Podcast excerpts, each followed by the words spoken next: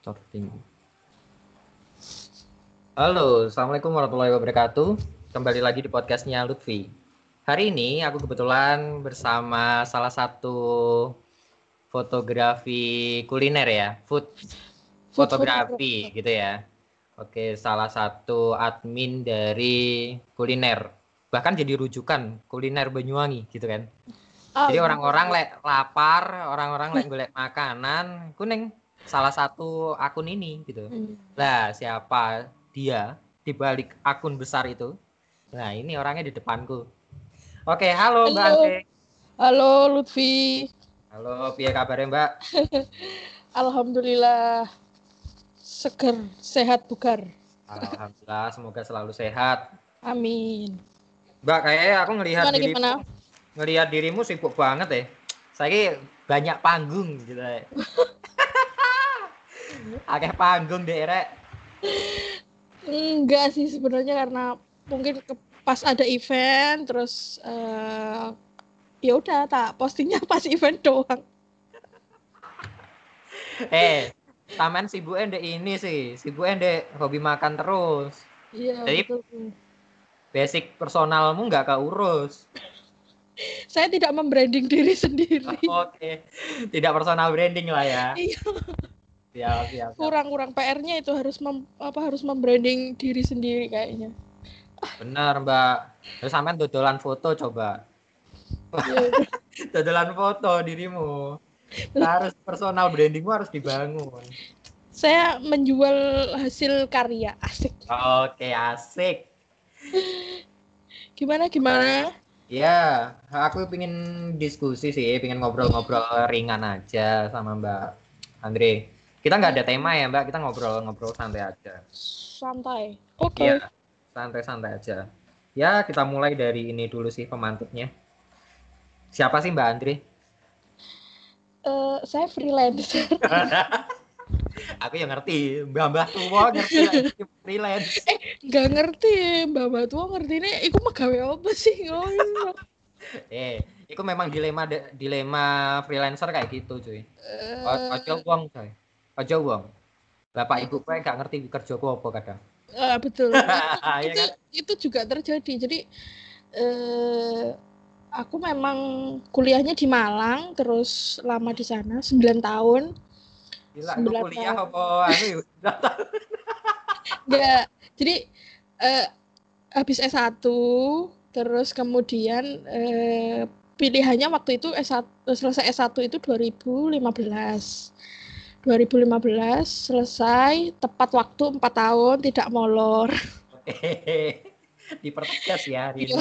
Tapi eh ke- kemudian pilihannya adalah eh mau pulang sebagai pengangguran atau waktu itu pilihannya adalah melanjutkan pendidikan. Kan terus eh tak pikir-pikir daripada aku balik tadi pengangguran gitu kan. Terus ya wis lah eh, memilih untuk waktu itu ya, waktu itu memilih untuk ya sudah melanjutkan pendidikan. Kemudian aku mendaftarkan diri melanjutkan pendidikan S2 di awal semester masih senang-senang, happy-happy.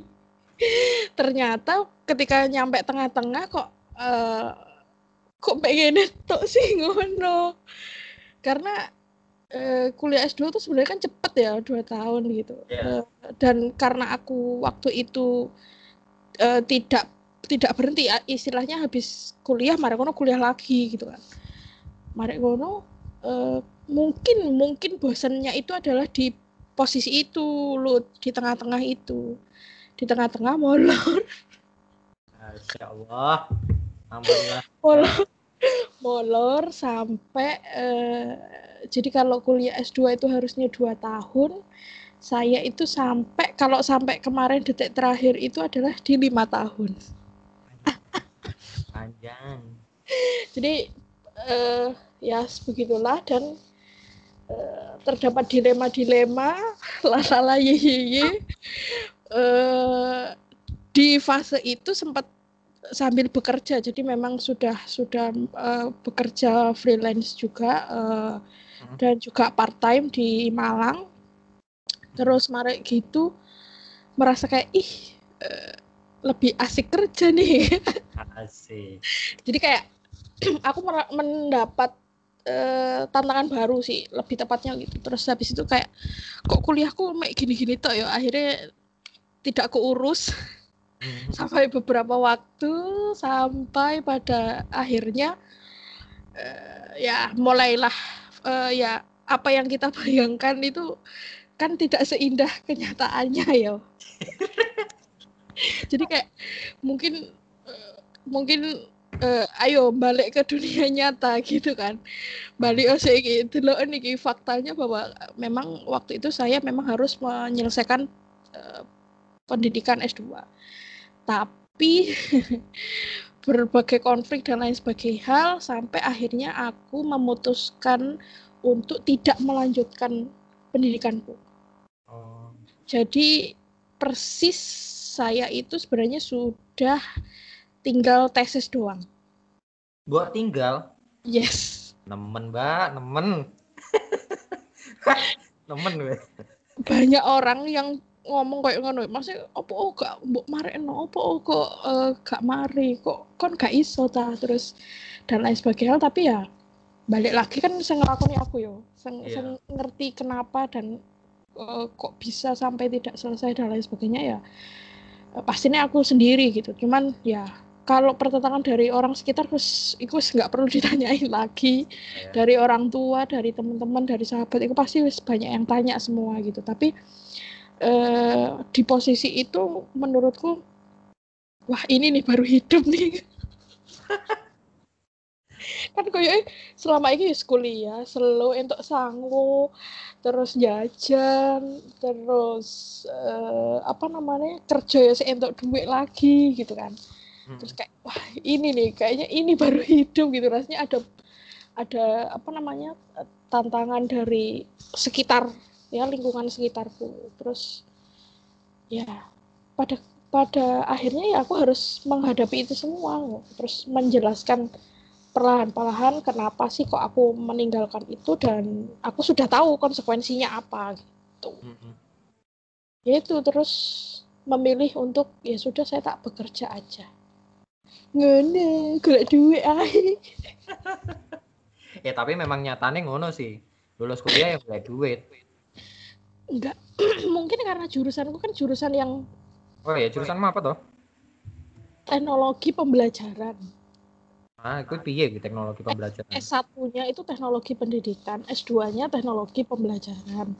Hmm. Eh, jadi kayak materi kuliahnya kayak kurikulum tentang media pembelajaran. Jadi kalau kalau mungkin teman-teman ada yang tahu hmm, siapa sih yang yang eh, menjadi tutornya guru atau yang yang biasanya ngisi diklatnya guru itu siapa? Salah satunya adalah eh, teman-teman yang ada di jurusan aku. Ini. Jadi ya jurusan tidak bisa mengajar, tidak bisa ngajar di di sekolahan. Jadi kalau harus ngajar ya aku harus mengambil jurusan yang lain. Hmm.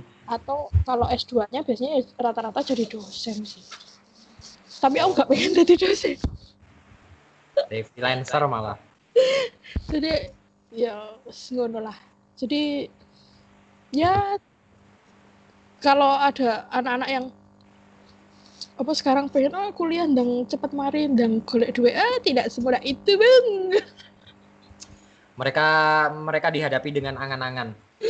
tidak seperti itu bang Mereka dihadapi ini. Mbak, tapi dirimu asli Banyuwangi. Asli aslinya Banyuwangi Eh, jadi lulus SMA terus langsung pindah ke Malang Oh, gitu. jadi memang sudah ndak update tentang Banyuwangi jadi pulangnya itu paling kan setahun beberapa kali Ya, waktu Itu sampai- lebaran mungkin ya. Yes, kayak gitu ya. Arek kuliah nih ya apa sih gitu. Sampai Oh, pada oh. akhirnya di tahun 2020 itu aku harus kembali ke Banyuwangi. Oh, oke oke. Loh, tapi em, dirimu kan freelance tuh. Hmm, Kan dirimu fotografer. hmm. Awalnya mulai fotografer gimana? Sedangkan kan eh, lini lini ilmumu Bukan mau? itu. Iya, teknik teknik apa mau teknik Teknologi. pendidikan. Oh, teknologi pendidikan. Hmm. Nah, awalnya piye kok iso ke arahnya ke tukang foto, ke fotografer? Eh, kalau ditanya senang fotografinya sejak kapan? Sejak SMA. Jadi aku mulai SMA aku sudah mengenal kamera, sudah mengenal uh, fotografi, tapi memang belum punya barangnya, belum punya kameranya. Jadi dulu masih pinjam dan lain sebagainya. Terus masuk kuliah makin seneng, tapi dulu jalurnya masih fotonya tuh random. Kalau nggak gitu foto model, tipikal street Oh ya. street gitu-gitu yo. Terus aku merasa kayak eh, aku wedok tapi moto wong wedok ku gawe opo? Ngono Iya kan? iya benar benar benar. karena kan foto foto-foto model mo- eh, foto street atau yang human interest dan lain sebagainya itu eh, beberapa perkumpulannya kan memang cowok-cowok semua dan rata-rata kalau sudah kumpul yang difoto cewek gitu. Terus kayak aku lapo foto wedok-wedok gitu. Terus sempet diajakin ke foto wedding gitu. Terus nggak kuat nggak kuat ambek pressure-nya kan tinggi ya foto Iya, wedding iya. itu kan eh, momentum dan lain sebagainya terus ngedit apa segala macam kayak aduh aku gak seneng deh Kalau ada beberapa kenalan tuh duh gak seneng mas motongin ini mas aku terus akhirnya ada yang bilang waktu itu coba awakmu golek aliran bukan aliran ya eh, apa bilangnya cabang fotografi yang lain gitu cabang fotografi yang sekiranya awakmu seneng opo gitu. Terus eh, eh, ada yang nyeletuk waktu itu kan kumpul-kumpul gitu ada yang nyeletuk. Arek lah anu seneng mangan kon foto panganan. Terus akhirnya oh opo iku Mas? Yo wis belajar ono iku foto eh, food fotografi. Akhirnya aku belajar otodidak dan lain sebagainya. Terus kemudian di Malang mulai mencari eh, ada nggak yo seng perkumpulan fotografer tapi seng panganan gitu terus me- nemu waktu itu nemu dan dulu itu masih mereka tuh basicnya di blogger Oh food iya. iya. blogger nah food blogger rata-rata tuh food blogger terus Instagram itu saya saya awal-awal banget kayaknya saya awal banget awal awal banget terus ya kenal karena akhirnya di circle yang itu akhirnya kenal banyak orang belajar dijai moto rono rene segala macam. Akhirnya mulai bener-bener terjun eh, ini nih kayaknya sing tak senengi ku iki. Aku mangan aku jajan tapi aku ambek pegawai ambek golek duit. Terus dulu yo gak ono duit sih sebenarnya. Dulu yo gak ono duit du, biar mek seneng-seneng tok lah istilahnya mek mek digawe seneng-seneng tok sampai pada akhirnya eh, aku sadar bahwa eh, ini memang lahan bisa jadi lahan pekerjaan gitu terus diajakin. Ya tetap diajakin sama orang-orang yang sebelumnya memang sudah ada di food blogger. Terus ayo kalau mau dan lain sebagainya belajar bareng-bareng. Akhirnya ya wes sampai detik ini. Iku tahun piro Mbak? 2016 17 sekitaran itu sih. Oh, ya udah. 16 sekitar 16 2016 gitu. Eh, tapi kalau yang benar-benar tak tak tekuni itu ya di 2017 2018 itu sih benar-benar 2012 itu udah komersil ya. Iya, tapi masih ikut orang. Is- Istilahnya gitu. Jadi masih masih apa ya namanya? Masih mencari eh aku melok rono deh, melok rono. Grup yuk rono, grup yuk rene. Jadi ada pertemuan apa atau ada kumpul-kumpul apa ngono melok ae wis. Sampai di 2018 akhirnya benar meyakinkan diri dan menjadi eh, bersama dengan partnerku yang sekarang itu juga ya yang dari awal ngajakin foto makanan dia food blogger memang awalnya Mbak Amamamu itu Oh, gitu. sampai saat ini Berarti ini ya, berarti memang eh, dirimu mulai karir di dunia fotografi kuliner, aku bilang gitu ya, itu Hmm. di Malang ya memang ya. di Malang di Malang Hmm. Akhirnya ke Banyuwangi, terus megang hobi makan itu. Itu Eh, gimana sih ceritanya? Kok bisa sampai hobi makan? Apakah eh, di sini kamu juga yang buat hobi makan atau gimana kan? Oh gitu. Kalau hobi makan sendiri sebenarnya itu kan yang punya adalah Ko Andre, Eh, founder kita sebutnya founder. Foundernya hobi makan itu namanya Ko Andre. Eh, DE iku aslinya arek Jember tapi sudah bekerja di Banyuwangi di BNI waktu itu. Hmm. Itu sudah lama terus akhirnya di 2017-an dia bikin eh, akun kuliner hobi makan Banyuwangi Oh. di 2008 eh 19 di 2019 eh, ya sekitar 2018 2019 itu aku wis kenal sama Ko Andre tapi via sosial media gak pernah ketemu wonge. Jadi di sosial media di Instagram kita berteman dan lain sebagainya tahu bahwa uh, oh ada foodisnya Banyuwangi nih gitu dan lain sebagainya. Di 2019 itu sempat nyeletuk kayak kok Andre sempat nyeletuk kan gak pengen nulungi aku dek ini Andre? Hmm. kebetulan namanya sama-sama Andre ya tadi situ Andre Yongs yang aku Andrea. Gak pengen nulungi aku tadi Banyuwangi? Ngono. Dih lapo lah wong aku nak Malang. Aku terus aku aku lo gak balik mas. Lapo aku nulungi sampean? Nulungi sampean lah aku kudu balik aku ngono. Hmm. itu 2019 aku ingat banget itu 2019 terus dia bilang aku gak iso oleh moto pagi karena dia kan pagi harus kerja ya. Okay. uh, uh, jadi dia hanya bisa moto itu di siang hari jam makan siang atau setelah pulang kantor jam 5 sore. Dia sempat ya cerita struggle-nya karena nggak bisa moto pagi. Hmm. lek bengi kan cahaya lampu pemelek kuning dan lain sebagainya. Terus uh, ya kita bertukar tips bertukar saran dan lain sebagainya.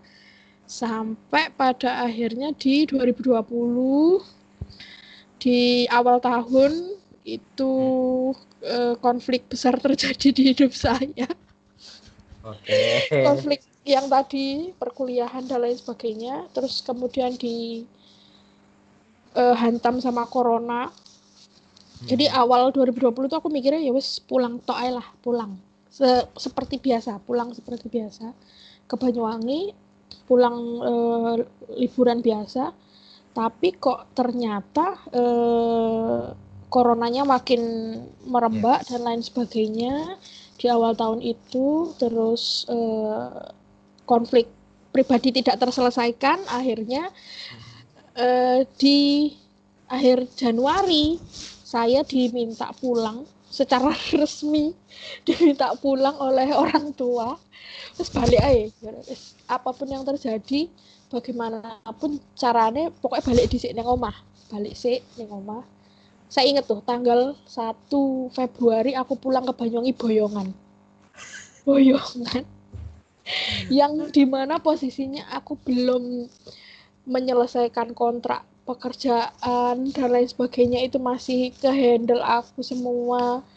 Terus partner-partnerku juga aku kaget sing sing arek-arek wis kudu-kudu nangis. Ya kok kok balik opo oh balik ngono kan. Kabeh uh, telepon tanya kon balik nang Malang kan? Kon balik nang Malang kan? Eh nggak ngerti waktu itu ditakoni balik nang Malang. Nggak eruh aku nggak ngeruh karena posisinya ya pokoknya ya wes dilakoni sih ini dilakoni sih aku balik pulang uh, pulang dengan kondisi yang uh, secara mental tidak sehat. Hmm. jadi mental tidak sehat. mental itu bener-bener wah gitu. Uh, waktu itu masih beberapa kali karena corona juga belum terlalu iku yo. Di Februari itu kan belum terlalu sang yeah. ya apa ya apa. Itu sih iso bolak balik Malang dua minggu sekali untuk menyelesaikan pekerjaan itu. Jadi, iya, aku jadi bolak-balik Malang, Banyuwangi, Malang, Banyuwangi, selesaiin pekerjaan sampai pada akhirnya di bulan Februari akhir kok Andre itu telepon. Telepon, Andrea, uh, saya uh, aku pengen ketemu pokoknya sama kamu. Aku pengen ketemu sama kamu. Pas tak temoni ternyata kok Andre harus pindah ke Malang ini itu kayak wow ada apa kenapa Tuhan memberikan jalan seperti ini gitu kan aku harus pindah ke Malang per hmm. Maret Maret 2020 Uh, aku nggak ngerti harus menyerahkan hobi makan ke siapa. Satu-satunya orang yang um, yang aku kenal dan pernah menggarap hal yang seperti ini itu yo kamu. Akhirnya perjanjian dan lain sebagainya kita deal Eh, saya menjadi salah satu partner untuk hobi makan. Uh, di mana kok Andre masih tetap ada di dalam hobi makan, tapi memang uh, setiap harinya aku handle semuanya, mulai foto, posting, video, klien, kerjasama dan lain sebagainya, aku semua yang handle. Kok Andre-nya di Malang, aku yang di sini. Jadi aku cepet, oh. cepet banget prosesnya balik terus apa uh, pekerjaan amburadul karena corona itu tapi habis itu ada pekerjaan baru iku kayak tak tak tak tak tak tak tak tak ngono dan aku kayak aku nggak apa ya istilahnya nggak siap Hmm. nggak siap dengan kenyataan bahwa aku harus balik aku kudu kudu memulai pekerjaan yang baru walaupun sebenarnya pekerjaannya podo ayo dek Malang ambil dek Iya, kene ku podo cuman. Ah. iya cuman kan eh lingkungannya beda dek Malang kan sudah terbentuk lingkungan pekerjaannya Iya. sudah sudah jadi sing dek kene aku harus babat alas maneh ngono kan aneh ya pasti ya mbak iya terus kayak uh sapa kon Memang benar sih. Benar-benar. Aku mungkin yo ngerasane iku sih hal-hal yang seperti itu.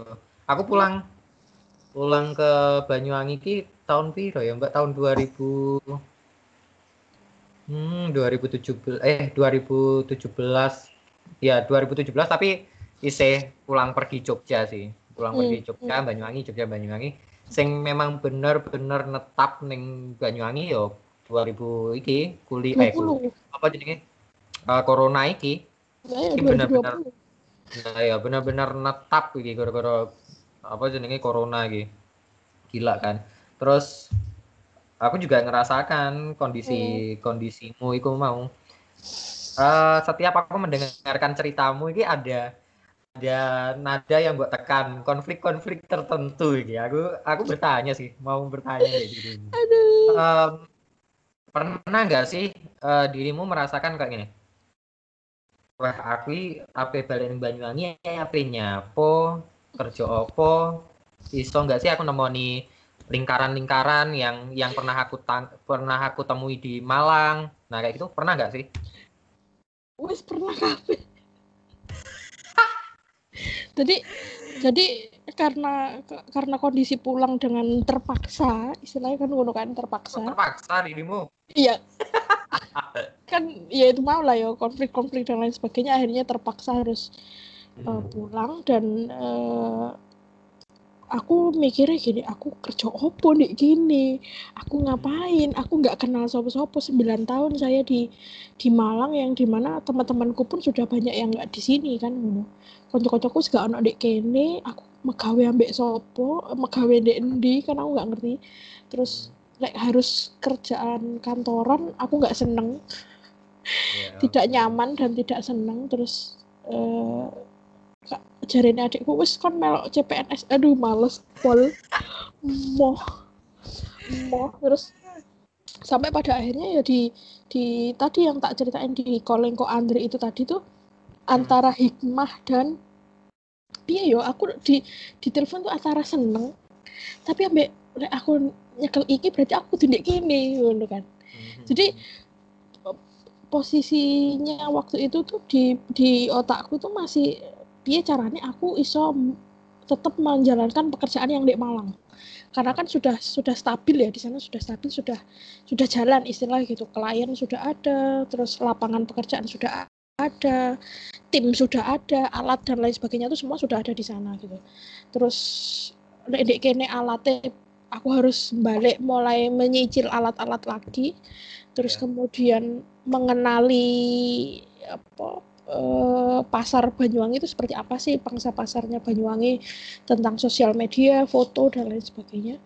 Itu saya ragu. Jadi memegang hobi makan itu aku persis itu di Maret. Jadi postingan pertama aku di hobi makan itu bulan Maret. Mhm. Terus iku pun sik di otakku ku, aduh ini pegawaian dek Malang ini akeh terus sampai sampai di Maret terus iku tadi tak lakoni tapi tapi eh, jiwa dan pikirannya tuh nggak di kini di, di Malang. Iya sih di Malang. Terus kayak Maret April itu beberapa kali tawaran pekerjaan. Kan aku di sana ada foto menu dan lain sebagainya.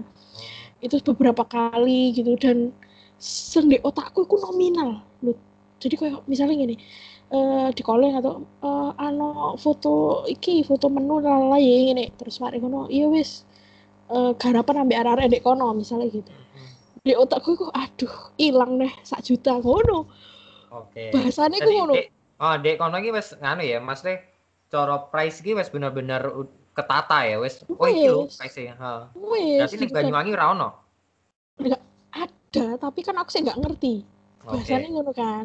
Jadi lek di Malang tuh kan yang aku di Foodie Floody itu kan sudah tim. Terus kemudian aku masih bisa kalau di Malang tuh aku masih bisa eh, freelance ke tempat lain juga. Jadi misalnya Oke. ono koncoku sing entuk proyek aku butuh asisten nih asisten fotografer atau aku butuh apa namanya eh, food stylist gitu. Mhm. beberapa kali kan aku freelance sama Malang Good Food juga kan. Iku aku Dre kon di nang Banyuwangi Mas. Apa oh, Mas? Aku ono proyekan iki foto menu. Aku butuh food stylist tapi aku pinginnya awakmu. Mas aku gak iso rono Mas. Aku di Banyuwangi lala. Jadi di otakku iku aduh ilang nih wes berang atas ewu ngono. Ngono terus. Setiap kali ditelepon setiap kali kono pekerjaan ku sing di otakku adalah gila iki aku iya nominal. Jadi saulan kayak waduh aku kudune saulan wis entuk sak mene sak mene Mhm. Itu terjadi sampai Mei. Seperti Oke. itu.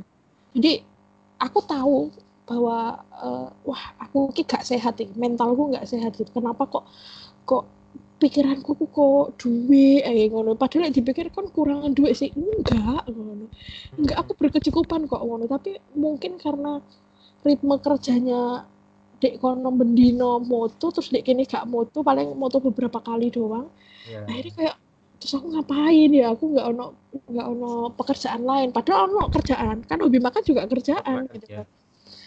Terus sampai pada akhirnya diajak ngomong ambek pokoknya pas santai ngono mamaku ngomong eh duit iku kena digoleki kok. Pokoknya rezeki intinya tuh rezekiku nggak mungkin ketuker. Di mana pun dan eh, kamu mau di mana aja lek rezekimu ancen ono bakal teko Mhm. Ngono. Terus aku kayak yo yo apa nih rezeki hilang yo hilang di, di otakku aku ngono as rezeki hilang yo hilang ngono kan. Terus mama aku mamaku ngomong gini e, mungkin lek ndek kono eh kok aku nggak cerita loh Lut. jadi aku nggak cerita sama orang tua aku juga nggak cerita tentang aku eh, apa dapat tawaran pekerjaan terus hilang tuh nggak. Cuman mungkin ya firasatnya ibu ya. Eh, aku nggak ngerti pokoknya intinya ngomongnya adalah eh, mungkin lek ndek kono iku nominalnya gede nominalnya gede tapi kan kamu harus berbagi dengan orang lain Iya. terus em, menghidupi misalnya bayar kos dan lain sebagainya kan ngono terus apa eh, sandang papan pangan sih di sik dibayar sendiri istilahnya ngono lah Mhm. tapi lek dek kene mungkin duitnya cilik Iya. Mama aku ngomong duitnya cilik tapi omah kan wis ambek wong tuwek terus makan juga sudah eh, sudah di rumah ada minimal ada gitu kan. Jadi kamu bisa lebih buat nabung. Nabung. Aku inget banget kan iso ditabung duit eh masih siti terus aku baru mulai menyadari kayak iya ya selama ini tuh aku pemasukan gede tapi aku gak tahu nabung jadi bener-bener blur blur blur hilang hed- hedon. Orang-orang banyak bilang eh wah kok nek Malang iku uripmu hedon banget? Iya tak aku nih iya Jadi- ya gitu nak. bener jadi kayak bayaran gede tapi jajan.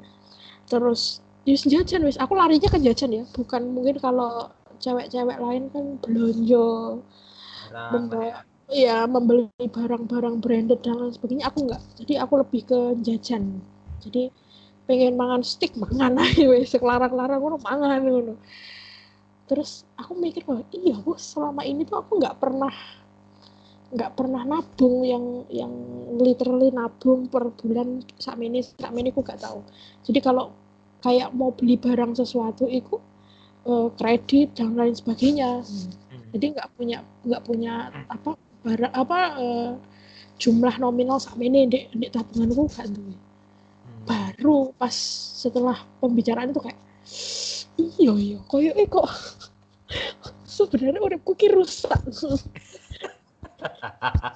ora coy, ora rusak. Kurang ketoto. iya kayak kayak dibilang oh, toksik enggak sih sampai sampai pada ada yang bilang level uripmu dek kono mungkin toksik enggak ngono cuman uh, ya aku mau bener gorong gorong ditoto merasa kok ya oh dek kono wes settle banget wes sembarang kali sama enggak juga sih jadi Iya iya iya. Eh iya Mbak apa jenenge? Aku mau uh, mengutip pembicaraanmu soal food fotografi sama food stylist itu beda, Po? Beda. Jadi kalau food photographer itu ya yeah. fotografer yang mem memfoto makanan. Tapi kalau food stylist itu adalah jasa untuk menstylish makanan. Jadi okay. kalau biasanya sepaket sama fotografer, jadi yang tukang benak no uh, pipile jagung. Okay. tukang benak no lombok, eh, tukang benak no saus dan lain sebagainya itu food stylist termasuk yang memilih piring, memilih uh, apa namanya apa yang ternik-ternik istilah istilahnya apa yang ada di dalam foto itu biasanya nanti ngobrolnya sama food stylist gitu. Oh, jadi gitu. jadi okay, kalau okay. kalau food photographer uh, dia akan lebih uh, ngurusin kayak cahayanya, penataan uh, lampu, kemudian uh, apa namanya kan sebelum foto kan pasti wis wis meeting toh, wis wis rapat kayak hmm. kliennya pengen gambarnya seperti ini, nanti modelnya seperti ini nah food stylist dan food photographer itu yang mencoba memvisualkan hmm. kan nggak mungkin fotografernya jedeh-jedeh ngurusi ah, ayame ngurusi uh, hmm. misalnya leleh-leleh dan lain sebagainya kayak gitu-gitu kan ya food stylistnya itu hmm. oke okay, berarti food stylist sama food photographer itu berbeda ya hmm. oke oke siap terus apa namanya uh, kalau ngomongin nominal mbak nominal seorang food photographer sama food stylist beda juga? Mm -mm, beda. Tapi uh, pekerjaannya bisa jadi satu bisa satu proyek tuh gitu. Satu tim lah ya? Uh, uh, ada beberapa yang tapi juga ada beberapa food photographer yang juga bisa jadi food stylist gitu. Jadi okay. ODN noto noto dewe de uh, moto-moto dewe gitu tapi ada beberapa yang hanya bisa moto tapi nggak bisa menata biasanya gitu rata-rata yang yang bisa menata dan bisa memfoto itu cewek biasanya yang food stylist mm -mm. gitu ya banyak mm -mm. ya okay. mm -mm. terus di Banyuwangi sendiri di Banyuwangi sendiri Mbak menemukan komunitas-komunitas itu enggak sih food stylist food fotografi itu di Banyuwangi lah ya mm. Mbak menemukan enggak lingkaran atau circle itu baru di awal tahun ini. Baru di awal tahun. Oke. Okay. Uh, jadi jadi proses setahun aku di Banyuwangi itu juga uh, terbantu oleh hobi makan karena circle-nya akhirnya kebukanya kan di situ toh, kebukanya dari yeah, hobi yeah. makan. Jadi ketemu orang baru, ketemu calon calon-calon klien dan lain sebagainya, terus uh, ketemu orang-orang yang juga ada di di ranah food fotografi juga gitu terus membangun apa pertemanan akhirnya di awal tahun itu mulai kenal oh ternyata mbak ini food photographer juga oh ternyata uh, ada jasa food photographer di Banyuwangi gitu jadi mm -hmm. kalau beberapa yang tak kenal itu memang uh, dia hanya uh, fokus pada foto produk bahasanya gitu okay. jadi dia memfoto buat buat menu, buat katalog, buat flyer, foto-foto yang tipikal foto menu gitu-gitu kan. Uh -huh. Jadi eh, waktu kemarin beberapa kali itu aku sempat ketemu sama mereka itu eh, karena basicnya mereka sudah berkeluarga, sudah ibu-ibu. Walaupun sebenarnya us usianya sebenarnya sepantaran sih, ada yang beberapa di atasku gitu. Hmm. Tapi mungkin karena mereka sudah berkeluarga, akhirnya jadi ini menjadi pekerjaan sampingan. Lek ono yo tak garap. Ah. Eh gak ono yo gak apa-apa Oh, oke okay, oke. Okay. Gitu. Berarti yang memang memang fokus fokus ini jasa itu memang sedikit ya masih berarti ya? Masih sedikit.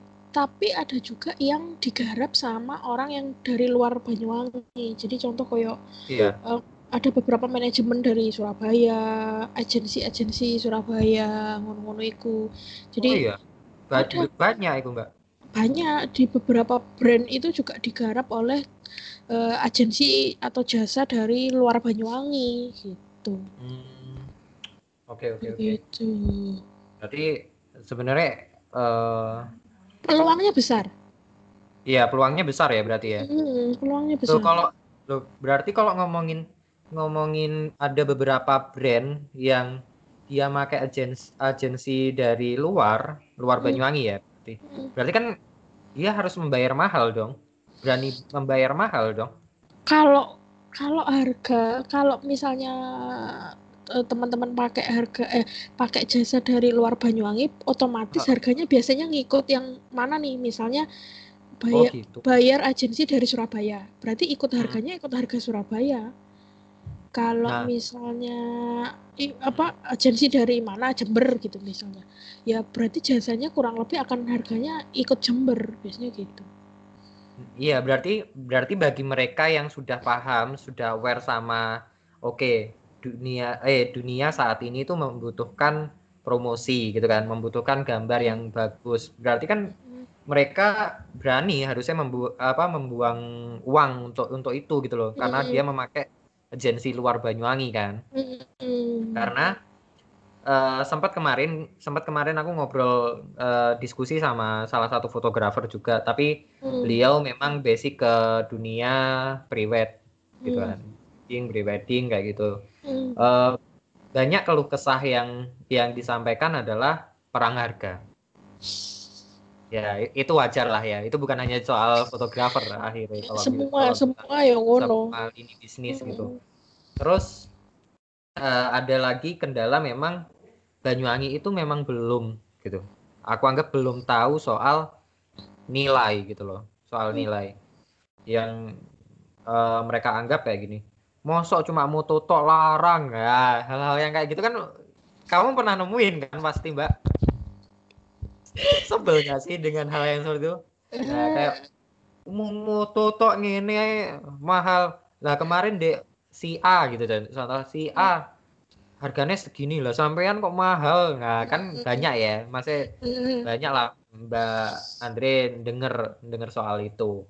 Nah, kalau ngomongin Oke, berarti kalau ngomongin soal ada beberapa brand yang berani membawa agensi dari luar masuk ke Banyuwangi berarti ya itu salah satu orang yang yang sudah paham udah tahu ya Hmm. udah paham ya.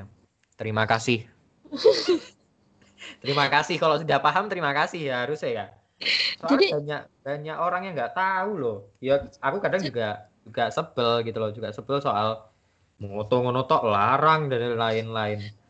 Jadi Mereka like- tuh nggak like, tahu edukasinya. Oh. eh, jadi like kemarin aku nyari eh, bukan nyari sih aku mempelajari polanya di Banyuwangi itu seperti apa sih gitu khususnya yang Hmm. di food fotografi ya Eh, jadi ada dua dua tipikal nih yang aku temuin yang pertama adalah eh, yang menggarap itu adalah agensi dari luar Banyuwangi di Hmm. mana harganya eh, harganya itu biasanya mengikuti harga yang dia dari mana misal dari Jember dari Surabaya dari Ya. Bali atau dari Malang gitu ya yang terdekat kan itu terus habis itu ada lagi yang dia sudah stay di Banyuwangi tapi sudah pernah bekerja eh, yang seperti itu di kota lain Oke. jadi jadi mereka mereka yang sudah stay di Banyuwangi pun sendiri pasti sudah menyadari bahwa sebenarnya range harga Banyuwangi nggak nggak nyampe kalau harus mengikuti kota lain gitu. Hmm, hmm. Karena ini gambaran gambaran kasar aja ya. Misalnya untuk sebuah jasa agensi dan lain sebagainya itu misal kayak di eh, di Jember gitu. Waktu itu aku sharing sama anak-anak agensi, pokoknya beberapa agensi di kota besar Surabaya, Malang gitu sing- ono sing takon ini ono sing garap di Jember enggak terus eh, yang dari wilayah Jember Banyuwangi itu hanya ada dua orang Jember satu terus di Banyuwangi itu ada aku. Waktu itu aku sudah stay Banyuwangi. Terus aku jawab aku di Banyuwangi mbak gitu. Ada yang Jember kenapa mbak? Aku ini dikasih eh, aku ada pekerjaan ada ada proyek. Hmm. tapi eh, klienku itu klien proyeknya itu menolak harga yang di approve Eh, eh, Iya, sorry harga yang diajukan. Ya juga. Har- eh, harga yang diajukan itu menurut mereka terlalu mahal gitu. Terus eh, kami nggak tahu nih harus ngasih harga berapa untuk kota Jember gitu Oke. tapi seperti sepertinya kalau aku nanya ke beberapa temen katanya gitu di Jember itu separuh dari harga Surabaya Oh iya. Oh, iya. gitu anggapnya anggapnya gini wes misal harusnya di Surabaya bayar 5 juta Hmm. di di Jember itu bayarnya dari dua setengah juta misalnya seperti itu. Nah kalau kami harus mengambil uh, klien itu kan karena dia sudah agensi agensi kan sudah banyak yo apa jadi pegawai. Iku nggak nutut kan, ngono loh. Iyalah. Nah Biaya proyek produksi lah ya. Nah, proyek itu tuh nggak nutut untuk untuk kami gitu. Akhirnya dia nanya kalau kalau misalnya ada eh, sesama agensi yang mungkin di wilayah Jember, klien ini bisa kami alihkan ke kalian. ngono. Terus aku di situ baru nyadar kayak, wah gila nih Jember aja separuhnya Surabaya. Banyuwangi piro iki akhirnya Iya. tak tanya-tanya dan lain sebagainya ternyata harga Banyuwangi itu kalau dari perbandingannya karena aku sama Malang ya karena aku di Malang jadi bayaranku di Malang iku di paro separoe iku bayarannya Banyuwangi ngono sekali project anggapnya gitu terus aku kayak Hmm. wow terus yo balik meneh iki nggak mungkin kalau harus membayar videografer membayar Iya. desain grafis dan lain sebagainya gila ngedol jasa opo nih gitu kan karena kalau Iya. di Malang kan aku sudah ada videografernya ada desain grafisnya Iya. ada fotografernya ada project manajernya gila meneng Banyuwangi dibayar piro wong wong iki ngono kan sampai pada akhirnya mau nggak mau untuk mengawali aku harus megawe kabeh dewean Mhm. jadi mendesain, memfoto, membuat video, akhirnya tak garap sendiri. Makanya repot gitu loh. Ha- Harga Banyuwangi itu belum kebentuk. Beberapa orang tuh ada yang eh, aku nggak rego sakmene wis. Menurut dia yang ya saya tidak menyalahkan iku regone terlalu larang atau terlalu murah ngono ya yo. Menurut dia sudah itu sepadan dengan pekerjaan yang dia garap ya monggo kerso gitu. Cuman memang karena di Banyuwangi lingkungannya belum terbentuk, pekerjaan-pekerjaan milenial, pekerjaan Iya. era-era digital itu. Jadi banyak orang yang akhirnya ya itu tadi sama kasusnya seperti Mas yang kemarin fotografer itu perang harga, terus klien mulai membandingkan kok Mas harganya segini dan lain sebagainya. Terus saya pengennya yang begini-begini. Biasanya gini, kalau di food fotografi yang sering aku temui gini, Mbak saya pengen foto Mhm. yang begini begini begini begini begini Wah, dia sudah punya gambaran Oke. saya maunya yang begini begini begini kira-kira berapa ya Mhm. terus otomatis karena saya sudah eh, pernah eh, di Malang oh begitu kira-kira ya memperkirakan lah harganya Mhm. gitu menyebutkan nominal mahal ya mbak kok Oke. ya terus aku nanya lah mintanya lo berapa pak aku bilang gitu kan Aha. itu kan jasa ya penjelasan biasa lah ya penjelasan Ah. ke klien terus ya sudah mbak saya pikir-pikir ya gitu selalu berakhir dengan ya mbak nanti saya pertimbangkan lagi terus itu akhirnya aku di situ mulai ah aku merasa ya udahlah kalau kalau Banyuwangi belum siap kita cari siapnya sampai di di level apa nih Mhm. Heeh. Terus eh, mulai nanya kiri kanan termasuk bertemu dengan teman-teman food photographer yang lainnya gitu. Aku juga pas cerita tak takoni aku jujur-jujuran langsung tak Iya. langsung tembak mbak sampean bayarannya piro lek sekali proyek? Aku tuh terus aku nggak terus nggak kate izin nggak kate opo aku takon mbak bayarannya sampean piro mbak sekali project? gitu. Terus mereka bilang nominal segini. What? Aku untuk foto yang gini mbak. Aku iki foto gini mbak. Aku mbak sampean Iku langsung tak takoni. Sampean berapa jam? Durasinya berapa jam? Terus peralatan dari siapa? Pakai Hmm. lighting opo enggak? Dan lain sebagainya. Itu tak takoni kabeh dan rata-rata sebenarnya pekerjaan mereka tuh kurang lebih sama seperti yang dikerjakan aku dan tim di Malang gitu. Iya. tapi bayarannya itu sepertiga. Aku malah Iya. bisa menyebutkan sepertiga dan itu Dilema nggak asli nih? i- itu nggak nggak apa ya baru kayak wah ini sih bukan ngerusak pasar jatuhnya ya Lut apa ya kayak wah harusnya pekerjaan mereka itu bisa bisa Ya. dihargai lebih gitu loh bisa dihargai lebih Dilema loh, dilema loh Mbak. Like, menurutku dilema banget ya. Karena apa? Karena ketika teman-teman uh, fokus dengan nominal yang saat ini gitu kan ini ini bakal besok pun sampai besok pun akan terbentuk indeks itu mm. jangan kan gitu ya mbak? Um, aku ada jasa drone. Mm. aerial drone toh.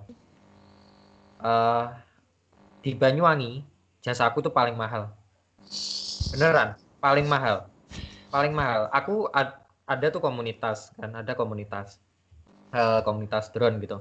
Aku tuh bilang ke mereka kalian ini tuh punya apa ya punya ilmu punya hmm. alat yang Betul. bisa kalian hargai gitu loh.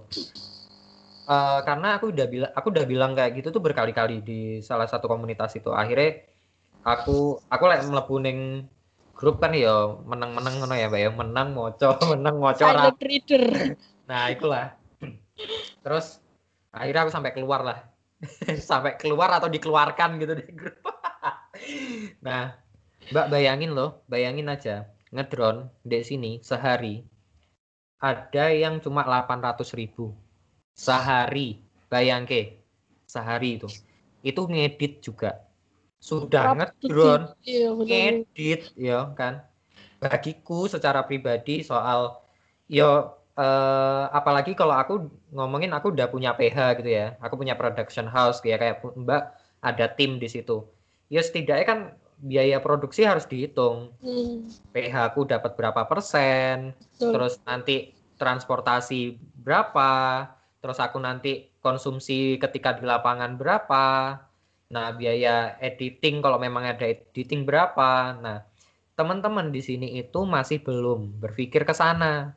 Akhirnya ya wes lah harga segini, aku untuk duit saiki, ya wes akhirnya kayak gitu mereka. Mereka nggak berpikir, waduh drone ku nggak ceblok, ya apa servisnya piro, ya kan? Drone itu larang men, buat ya harus dipikir kayak gitu. Terus lagi-lagi harga drone semakin tahun kan Iya nyusut harga nih. Drone lagi murah-murah loh. Nggak mikir apa ya. Mbak jujur ya, aku ngedrone kan kalau di tempatku tuh ada dua. Mm. Uh, half day sama full day. Mm. Full day. Full day sekali drone itu, drone pun aku beda-beda. Ada drone Phantom 4, drone uh, Mavic, yeah. terus drone. Jadi tak bedain memang setiap uh, aku anggap setiap armada itu punya nilai masing-masing. Kualitasnya Contoh, berbeda pasti kan? Ya kualitas pun berbeda. Setiap uh, aku anggap satu contoh drone Phantom 4 Phantom 4 itu kalau full day aku tuh tiga juta setengah itu nggak ngedit. File mentah mbak kowe uh, kowe apa juga jasa aku karepmu orang juga ya karepmu. Dan aku ketika sudah ngobrol sama tim eh sama sama komunitas itu mm karena aku udah udah bilang ya ke mereka udah bilang ke mereka kalian tuh bisa bisa dihargai jasa kalian. Tetap kan? Iso luwih larang lu iso luwih larang lo buktinya aku itu loh buktinya jasa aku sak mene gitu loh buktinya jasa aku sak mene. Mereka masih tetap akhirnya kan aku dari situ kan aku bisa ngelihat nih ya maksudnya oh anak ini yang punya apa namanya punya feel feel bagus nih ketika ngambil drone. Ya aku aku sangat beruntung. Nya kita bayar sak juta. Sing mau nih kue cuma wolong atau saya tak bayar satu juta. Iya kan? Iya. akhirnya aku malah tambah seneng aku punya ekosistem baru. Hmm. nah padahal aku sebelumnya aku udah bilang ini loh kalian tuh bisa dihargai jasa kalian tuh mahal alat kalian tuh mahal tapi mereka nggak ini beneran loh mbak jasa aku tuh termahal di Banyuwangi aku aku nggak kaget kalau mendengar cerita seperti ini nggak kaget karena oh. memang harusnya seperti itu gitu. Yes. Banyuwangi itu harusnya seperti itu. Terus uh, kayak kemarin tuh aku senang banget ketika ikut yang Simple Talenta itu kan hmm. ada yang ikut kelas desain grafis tuh, yang sama anak-anak desain grafis. Hmm. Uh, salah satu dari dari peserta itu tuh ternyata ada teman SMA aku gitu. Oh iya. Terus, terus akhirnya ketemuan, ketemuan terus ya cerita-cerita kayak kan kerja apa dari dan lain sebagainya terus aku menceritakan pekerjaanku terus dia dia gede-gede doang terus kayak gila yo iku me, sekali sekali proyek iya jadi misal desain grafis tuh kalau di tempatku di Malang itu kan kita ngitungnya per proyek misal yeah. satu klien itu kan tidak satu misalnya gini sebulan tuh kan ada 30 postingan tuh. Kan Feed Instagram ya? Uh, feed Instagram. Itu kan nggak semua desain grafis. Ada sih yang yeah. dia memang uh, tipikal Instagramnya yang full desain grafis. Itu beda lagi gitu. Tapi kalau nggak full desain grafis itu sebulan itu kira-kira di 10 postingan yang desain grafis itu pun Hmm. kayak misal desain grafis Gojek, terus misalnya grand opening atau promo tertentu, hal-hal yang seperti itu aja itu kira-kira kita biasanya di angka eh, 8 sampai 10 feet yang desain Hmm. grafis. Itu kalau di kalau di Malang waktu itu memang eh, pasarannya itu kalau lepas itu satu feet itu 50.000 Oke. Satu feet 50.000 ribu. Lah, posisinya waktu itu kan kita rata-rata ada di sekitar 10 feet. Berarti sekitar 500.000 ribu kan. Nah, waktu itu aku bilang sama salah satu eh, apa calon desain grafis kita, aku bilang eh, kita akan bayar kamu itu per proyek. Jadi, misalnya satu proyek A gitu, bra- brand A ya, brand A itu membutuhkan 10 feet gitu kan. 10 feet itu kita hargainya eh, sedikit di bawah harga standarnya rata-rata. Jadi kalau di rata-rata itu 50, kita bayarnya di 40.000 per feet. Iya, Tapi tapi kita membebaskan kamu untuk ikut berapa proyek. Wes sak kuate wes. Ngono. Misalnya satu bulan kamu mau mau garap dua brand, monggo, silahkan iya. gitu. Mhm. Kalau misalnya brandnya eh, lebih dari 10 feet ya kita langsung charge seperti eh, layaknya satu feetnya itu 40 berarti nambah meneh gitu. Kasarannya waktu itu aku bilangnya kasarane kowe seulan eh, kalau satu proyek itu 400 ribu Mhm. itu lepas jadi kon arep eh, ngirim di awal bulan tengah bulan bu kirim sito loro terserah atau Iya, yang mau iya. langsung kan kita sudah ada time timelinenya tuh Timeline, sudah ada eh, sudah ada tanggal sakmene posting iki posting iki posting iki kebutuhannya tuh sudah sudah jelas gitu Mhm. misal kebutuhan Gojek, Grab lah, iki iki iki yang butuh divisualkan secara desain grafis itu ada ini ini ini ini. Nah, kamu mau mau apa istilahnya nyetor awal bulan Mhm. pas timeline itu selesai jadi langsung buat setorno boleh atau ya selama bulan itu terserah gitu. Mhm. Karena waktu itu desain grafisku itu tiga orang yang eh, yang satu itu adalah dia isuk guru. Guru sokwan. Guru sokwan. Jadi akhirnya mau mbak gitu. Tapi saya nggak bisa yang langsung del 10 ya mbak. Kok loro tak kirim lek wis mari loro tak kirim terserah pokoknya eh, bayarannya segini aku bilang. Dan dia guru sokwan ya.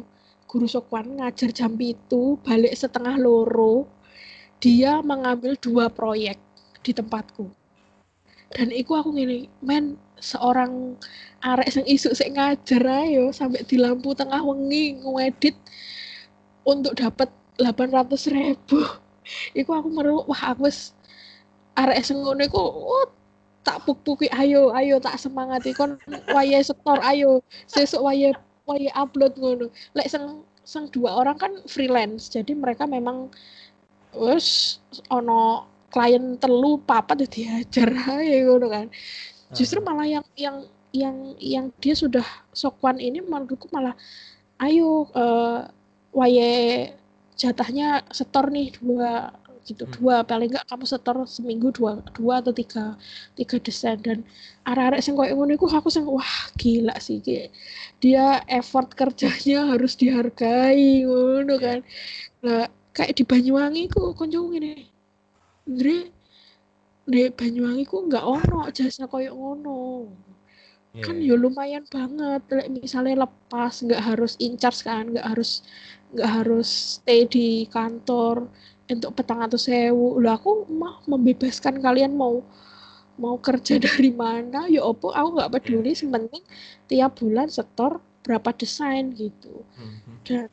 Desain itu pun eh, sebenarnya kan sudah ada template-nya toh. Kalau Iya, kita iya. dari awal kan sudah sudah brainstorming wis ono template itu sebenarnya lebih mudah lagi. Sangat mudah malah Eh, ngono. Tapi Hmm. wong-wong itu nggak ngerti. Malah kemarin tuh aku sempat nanya mbaknya adalah beberapa brand itu aku yang dia pakai desain grafis ngono kan. Mbaknya uh, ini yang garap siapa? Aku nggak uh, saya ada mbak kenalan desain grafis dari Pasuruan. Men dek jadi bayar uang Pasuruan dikon gaya desain grafisnya buat uh, outletnya dia. Hmm. sang kayak gawe desain tak wes template. Terus kok sang posting mbak iku dewe jadi kok stok kok stok itu loh lu lihat deh iklan-iklan internet kan kayak uh, kamu butuh updatean apa Instagram ngono wis ono hmm. saulan wis ono template. Nah ngono iku mereka malah beli jasa yang seperti itu.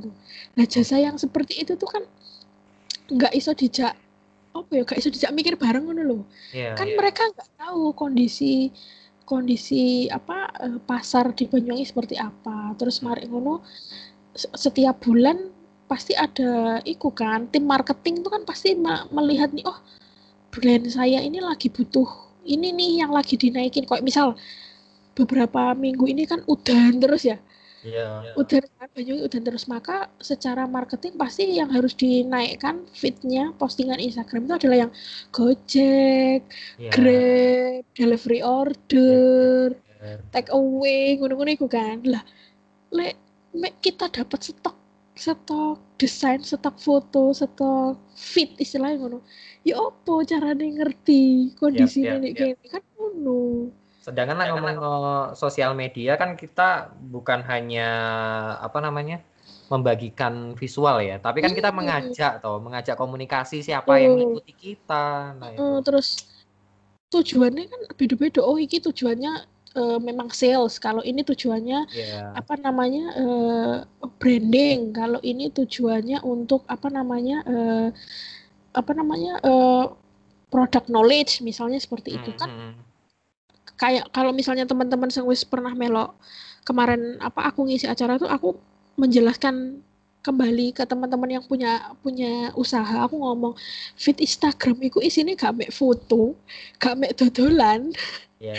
gak make video ngono. Di di feed Instagramku ku yo yo isine iso akeh iso lifestyle iso ya memang iso dodolan ngono. Terus iso uh, product knowledge. Jadi misalnya yo dodol krepek gedang ngono. Kan nggak nggak melulu postingannya krepek gedang terus ngono kan.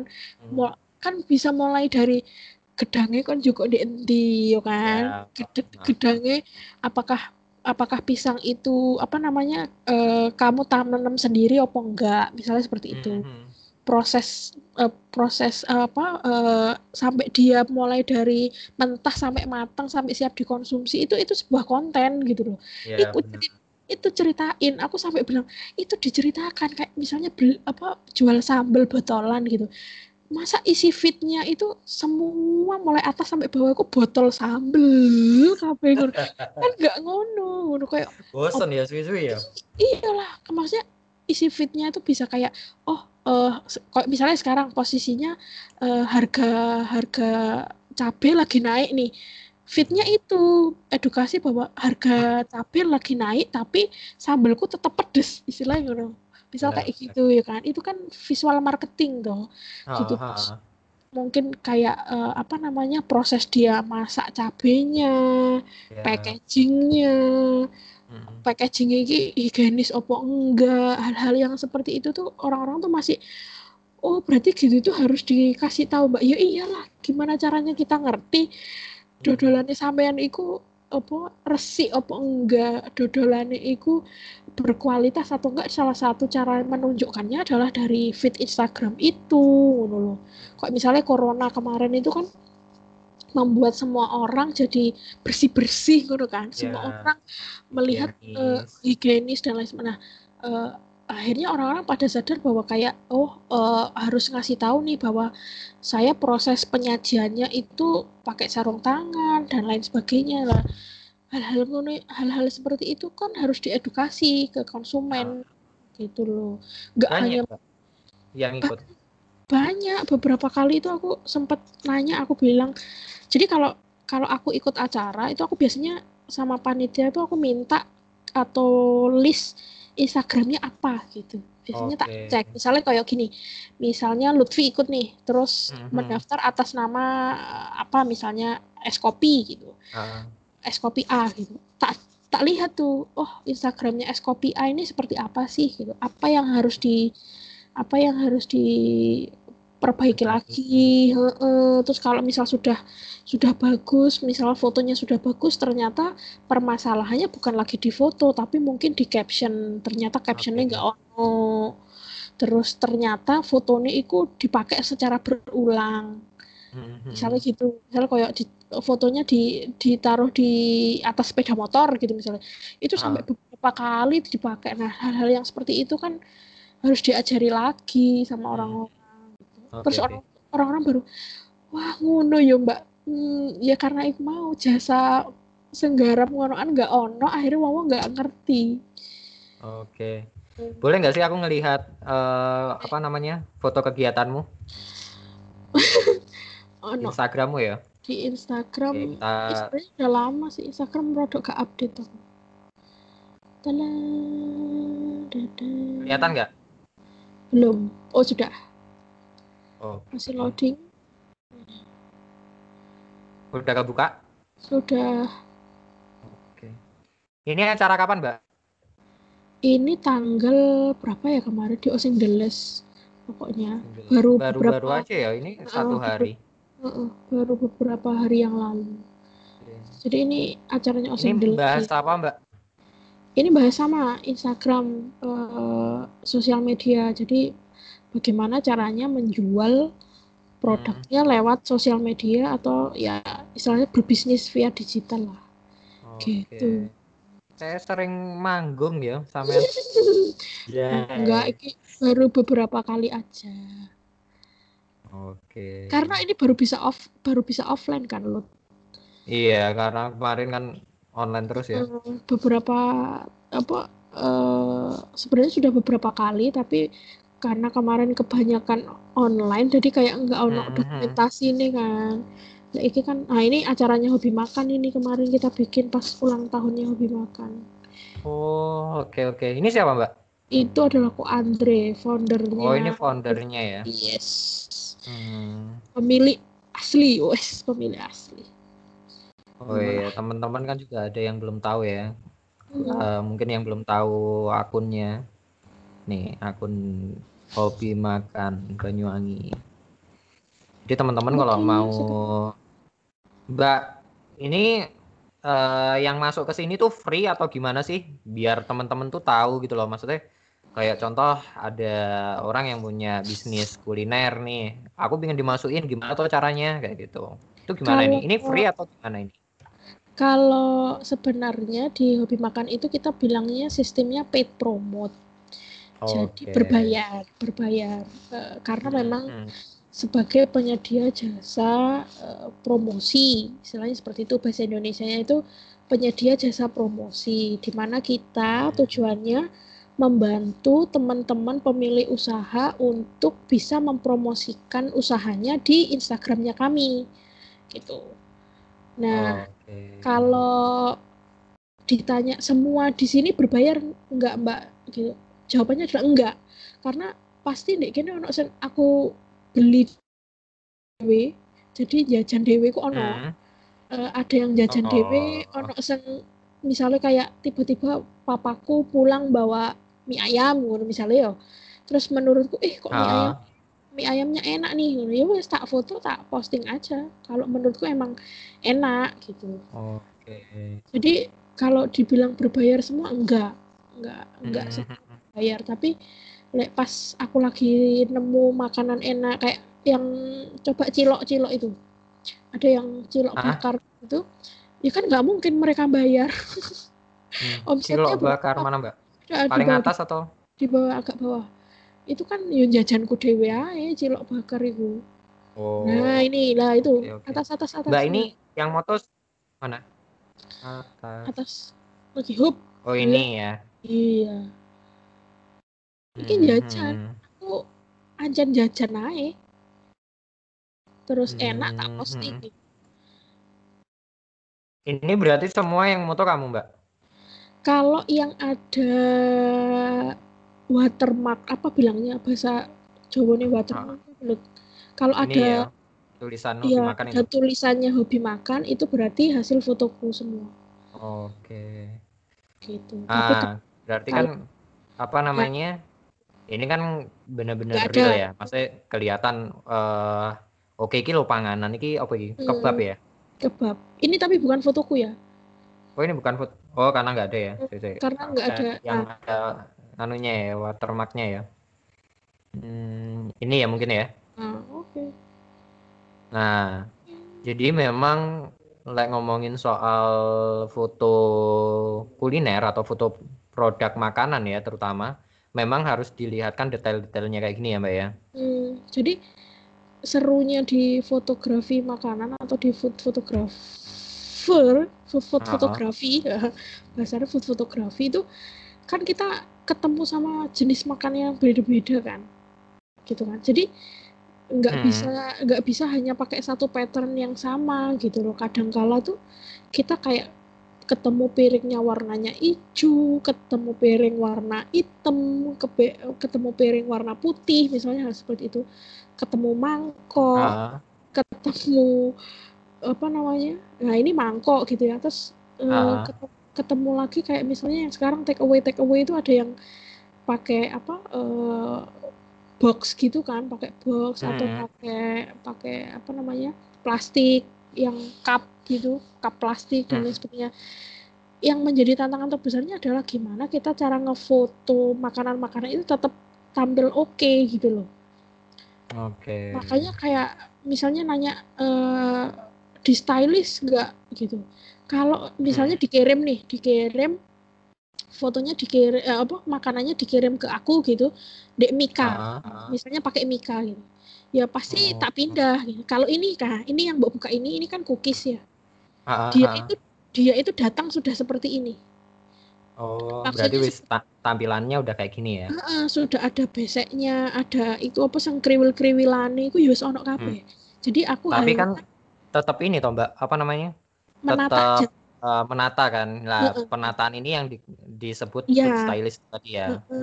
Okay, okay. Tapi kan aku tidak merubah istilahnya tidak merubah uh, tampilan, tidak merubah warna hmm. dan lain sebagainya ya wis ukurannya segitu ya segitu gitu ada mungkin yang agak di bawah-bawah itu itu hmm. ada yang tak pindah loh jadi mereka kirim hmm. produk uh, terus habis itu tak pindah ke wadahku misal krepek ini krepek yang tadi krepek. sana uh, nah krepek ini atas yes uh, dia datang uh, dia datang hanya dengan krepek yang box hitam itu yang wadah oh, hitam okay. itu makanya gimana sih cara produk ini supaya lebih terlihat jelas?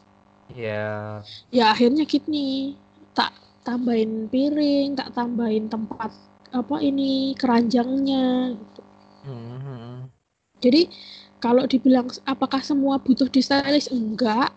Kadang kala ada yang di foto biasa aja sudah sudah oke okay malahan gitu. Kayak itu aku foto rujak, foto tahu telur, kok ya gak tak pindah, foto tahu telur ya wis dek apa di di styrofoamnya lu wis api hmm. jadi hmm. lebih kepada kayak uh, oh ini sudah menarik ya udah difoto gini aja oh ini terlihat kurang menarik kita pindah aja lah kita ganti gitu kita hmm. kita emang yang ini ya akhirnya yang perlu diketahui sama teman-teman pelaku UMKM aku anggap gitu ya itu adalah ngefoto itu yo yo ora asal akhirnya kan ya. Nah, yang terjadi tuh gini, misalnya nanya e, price listnya hobi makan berapa ya mbak? Hmm. Terus sudah tak kasih price list kan, tak kasih price list gini gitu. Oh ya mbak itu nanti uh, dapat fotonya berapa ya gitu terus. Hmm. Ya itu mbak mas fotonya sesuai dengan uh, mau posting berapa kali, terus slide-nya hmm. berapa kan gitu. Oh hmm. gitu ya mbak. Nanti fotonya saya bisa kan minta saya hmm. bisa kan minta fotonya gitu. terus hmm. ya tak jawab aku dulu awalnya kaget maksudnya Banyuwangi saya, saya, begini banget ya gitu orang-orangnya akhirnya aku aku bilang ke ko Andre kok uh, aku akan lebih tegas atau aku akan lebih itu ya lebih istilahnya lebih uh, tak tegesi mana nih orang-orang dari segi harga dari segi yeah. apa namanya uh, persyaratan dan lain sebagainya gitu. Aku hmm. bilang uh, ke Ko Andre sebelumnya bahwa uh, kalau dulu uang itu melihat ke hobi makan itu oh paid promote ini di endorse lah lala enggak mas kita harus berdiri sebagai uh, media promosi gitu artinya media iya. promosi yeah. membantu semua orang gitu uh, artinya semua orang kalau kita rasa dia membutuhkan jasa kita dan merasa kita merasa oh panganannya enak kok ya udah posting aja gitu. Tapi kalau hmm. dia yang merasa saya membutuhkan hobi makan ya silahkan berbayar gitu. Yeah. jadi uh, jadi dari awal aku pegang itu aku bilang bahwa iki tak tegesi ya mas wong wong iki jadi kayak pengiriman barang misalnya kayak mau kirim produk jam berapa yuk tak tegesi saya cuma bisa jam 9 pagi sampai jam 1 siang. Lepas dari itu kalau tidak ada konfirmasi kedatangan dan lain sebagainya saya tinggal. Saya bilang gitu. Tak hmm. tinggal ya mbak gitu. Karena saya juga harus moto yang lainnya kan ada yang datang yeah. ke lokasi kayak gitu-gitu loh. Hmm. itu ya on ae awal-awal aku molor. Jadi ini habis zuhur ya mbak sampai mari asar gak toko-toko itu ono. Terus wes pokoknya wakil wes kayak sing uh, apa namanya uh, janjian sampai di cancel beberapa kali itu sampai Terus ada masa di mana hobi makan inden. Inden, inden, inden, inden postingan. Oh, Jadi iya? kamu misal hmm. uh, kopi A gitu ya, Mbak aku hmm. mau uh, apa mau paid promote kopi A di hobi makan. Oh iya lo kirim aja uh, produknya hari ini gitu misalnya. Mbak kirim ah. nih hari ini. Posting itu tujuh hari ke depan. Oh iya. Itu sempat terjadi. 7 sampai 8 hari inden. Eh, itu bener-bener posisinya waktu itu tuh aku aku sampai nggak sang nggak nggak bisa memasukkan postingan yang aku jajan dewe. Hmm. Karena saking rapet banget gitu dan itu kerasa kan insight itu kerasa turun sempet turun insightnya hobi makan tuh sempet turun gitu. terus akhirnya aku hmm. nggak bisa nih mas koyok ini terus akhirnya tak batasi kan misalnya kayak uh, ada donat gitu beberapa kali tuh donat dalam satu bulan itu ada empat brand atau berapa brand gitu. tak tolak ambil aku aku bilang Karena produknya sama ya uh -uh, aku bilang kalau mau nunggu bulan depan aja atau berapa minggu lagi. Karena wis tak jelasin pokoknya karena beberapa ada beberapa brand dan lain sebagainya. Jadi akhirnya eh, di awal-awal mungkin aku terima kabeh. Nah.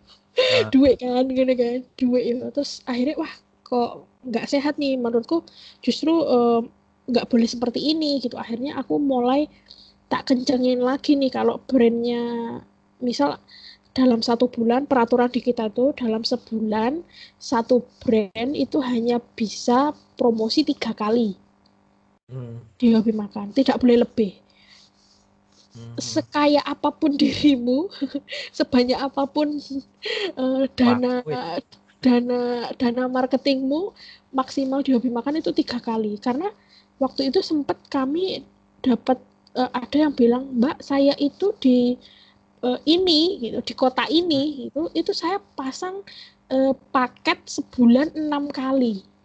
Bayangin. Hmm. dalam sebulan dia postingannya dia itu ada enam kali kan? Apa apa nih? Enggak enggak enggak enggak enggak mau aku. Terus aku akhirnya dengan Ko Andre setuju di tiga kali gitu. Jadi ada orang yang mau berapa kali paket nggak bisa kita ngitungnya ya berapa hmm. kali tayang ya itu silakan dibayar sesuai jumlah itu.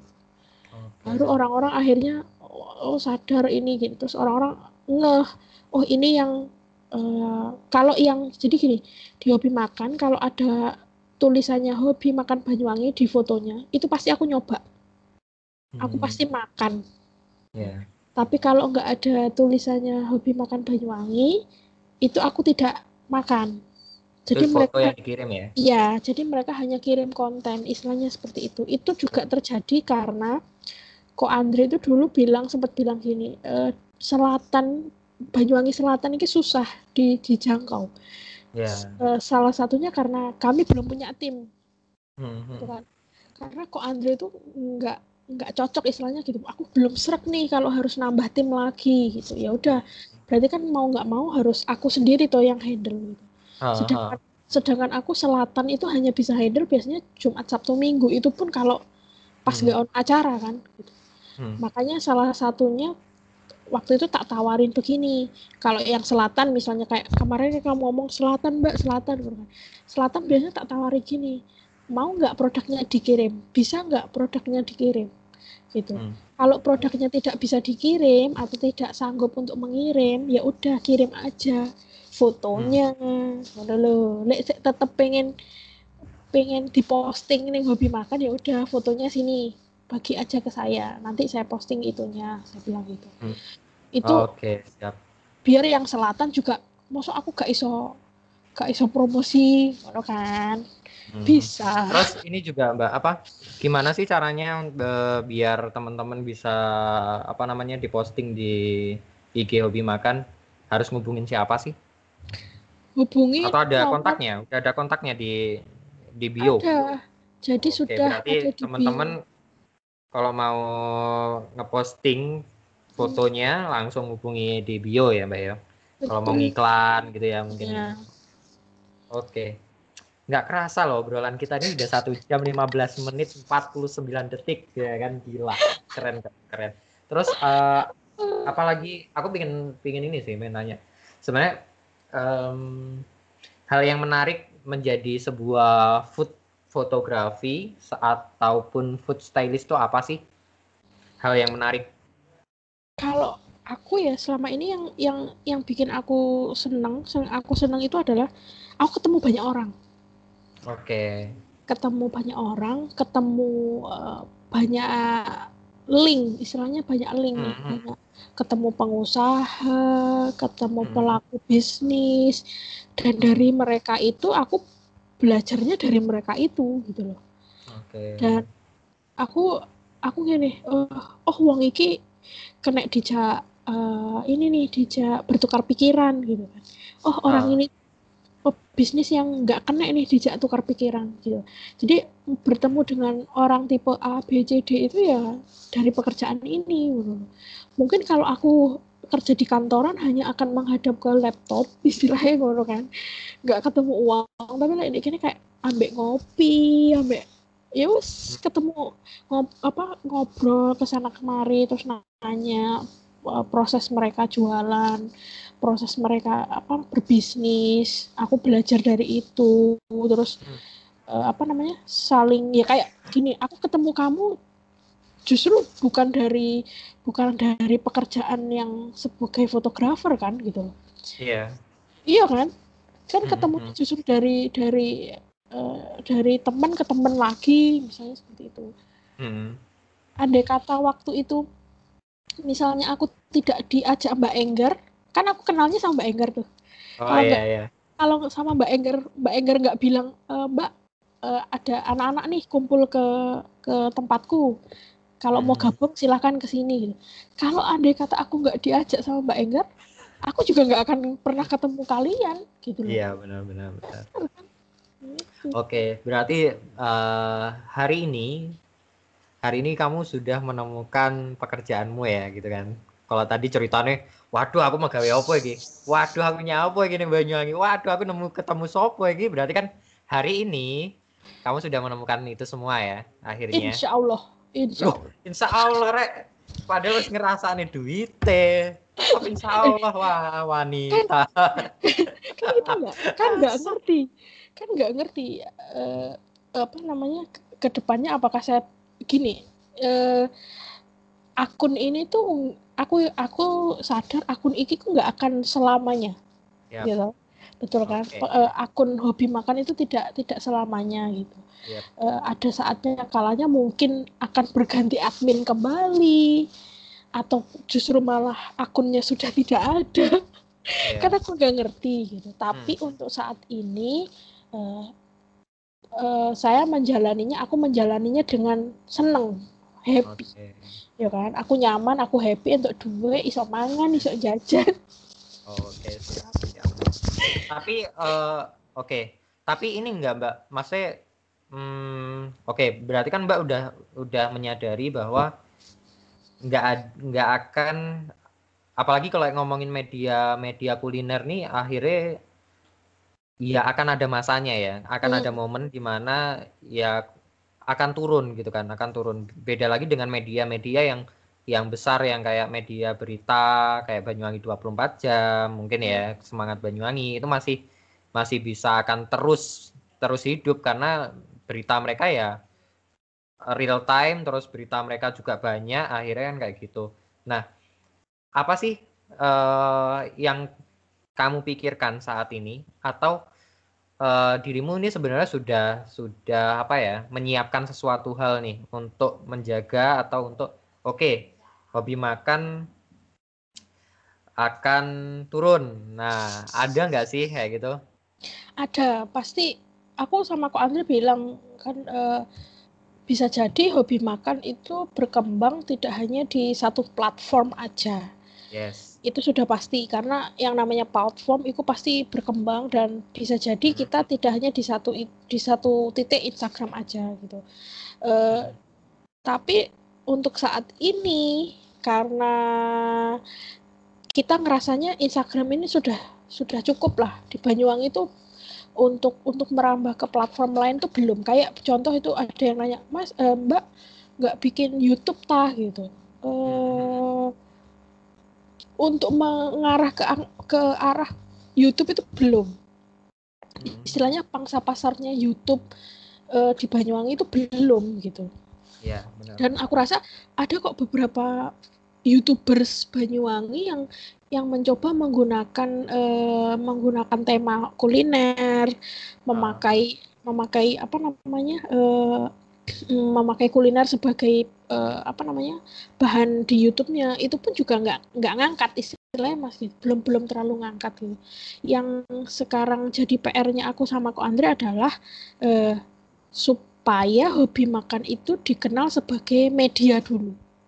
Oke. Nanti kalaupun berganti platform, Iya. orang-orang tuh sudah kenal oh iya hobi makan gitu. Tapi platformnya beda pun nggak masalah. Kita pengennya ke arah sana kayak kita hidupin web. Kita kan webnya hobi makan tuh kita eh, akun kuliner yang punya web. Oh iya, udah punya web ya? Punya hobi Oh, iya. makan dot Banyuwangi itu sudah ada webnya. Jadi sudah sudah apa secara eh, terintegrasi antara Instagram dengan web gitu. Kita Oke. bayar domain, kita bayar orang untuk ngedesain web kita gitu. Salah satunya adalah itu gitu.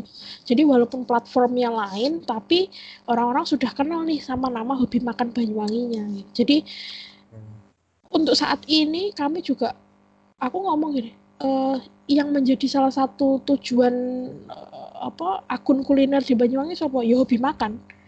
Saya Hmm. bisa bilang eh, aku bisa mempertanggungjawabkan isi semua yang ada di situ.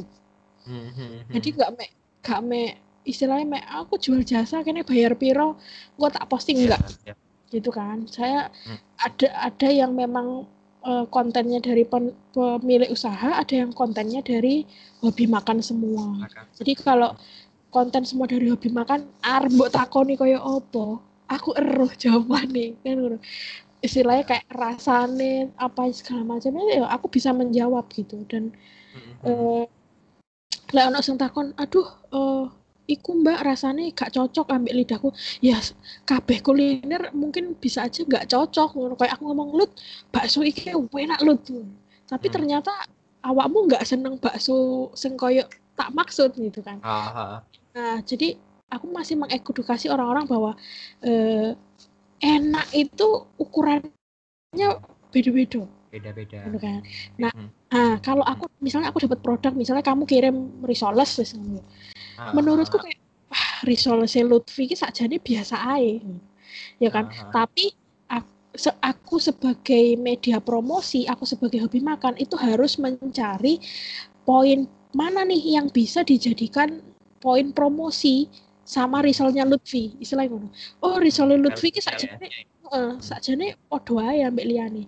Tapi packagingnya apik. Misalnya Oh. ngono, packagingnya bagus, terus tersedia eh, frozen dan sudah mateng, misalnya seperti itu. Terus kayak kirim ke seluruh Banyuwangi sampai pelosok dikirim ambek Lutfi. Misalnya hal seperti itu. Nah, hal-hal yang seperti itu yang harus aku angkat dari mereka. Jadi nggak hanya serta merta seputar rasa enak, tapi Iya, iya. lebih dari itu value-nya, kemudian apa namanya eh, pelayanannya. Hmm. Jadi aku pengen mengedukasi orang-orang bahwa nggak ojo ngomong nome enak ngono. Sing diomongno iku akeh. Hmm, hmm, hmm. Oke, oke. Sebelum mengakhiri ya, ada pesan nggak sih Mbak untuk apa namanya teman-teman UMKM lah anggap kayak gitu? Ada pesan nggak nih buat Hmm. teman-teman UMKM yang melihat video ini atau yang mendengarkan video, apa podcast kita hari ini supaya teman-teman juga tahu gitu, Cuman teman-teman juga tahu soal ya itu tadi kita tuh sebagai food fotografi, food stylist, terus media-media berita, maksudnya media berita yang memberitakan soal soal kuliner itu nggak Hmm. nggak semata-mata gue gue di produk tak upload ngono kan?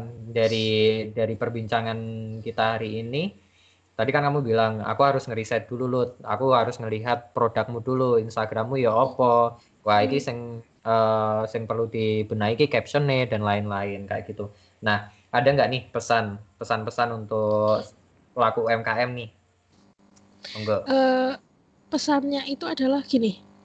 Eh, kami itu penyedia jasa. Ya, jadi kami penyedia jasa. Kami membantu teman-teman UMKM untuk bisa berkembang jauh lebih pesat, jauh lebih baik gitu.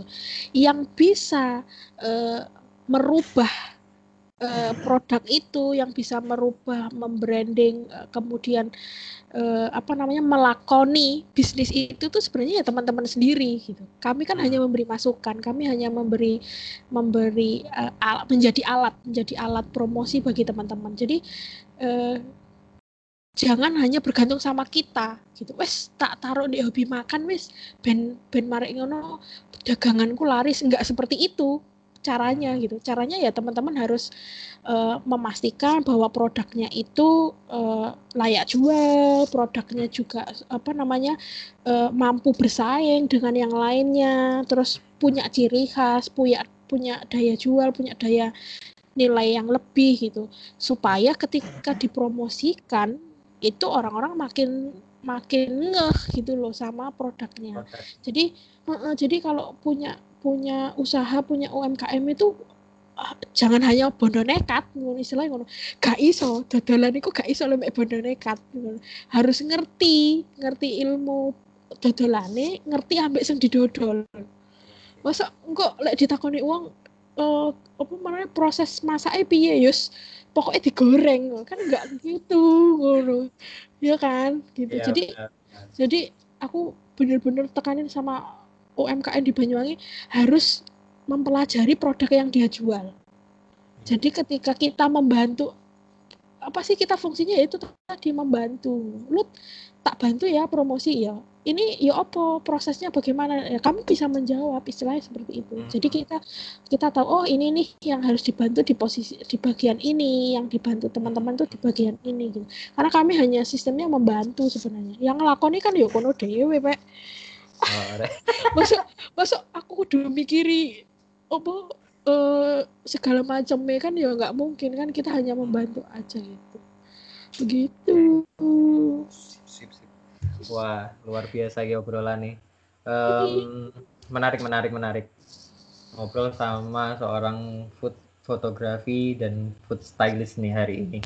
Em, mungkin semoga ya Mbak ya, semoga video ini dan podcast kita hari ini bisa bermanfaat buat teman-teman yang mendengarkan. Amin. terus teman-teman pelaku UMKM oh ya untuk teman-teman pelaku UMKM kalian bisa kok apa namanya memasarkan produk kalian di akun hobi makan. Kalian juga bisa langsung hubungi nanti di kontak personnya di bio yang udah disiapkan di bio sama Mbak Andrea. Em, ingatlah hari ini kita masuk di dunia media Digital. masuk di digital kayak gitu Eh, pasti pasti kita akan membutuhkan membutuhkan teman-teman media kan kayak gitu ya Mbak ya. Jangan asal-asal foto karena itu ada ilmunya gitu kan, ada ilmunya. Kayak pangananmu ki ketok enak ngono ya, ben ketok enak ngono. Walaupun jane biasa ae. tapi kita enak ngono kan ya tapi kita enak oke kayak gitu oke Mbak Andrea makasih banyak loh makasih banget udah mau berbagi ilmunya ya Dan Tapi kita bisa jangan kapok loh, Mbak. ya. Iya, jangan kapok loh, lek tajak podcastan maneh kita ngobrol Iya. soal food apa namanya food photographer atau food stylist yang lebih mendalam ya. Hari ini kan kita general banget ya obrolan kita dari resahnya seorang food foto eh food photographer yang takut pulang ke Banyuwangi. yang takut kerjaan di Banyuwangi. General Seono. banget gitu loh. Obrolan kita ini general banget tadi. Nah, aku kepingin lain waktu kita ngomongin yang benar-benar mendetail Siap. dengan food photographer apa, food stylist itu apa. Oke, gitu dulu Mbak Andrea. Makasih banyak loh. Udah meluangkan waktunya. Siap. Oke, kita Assalamualaikum Mbak ketemu. Andre.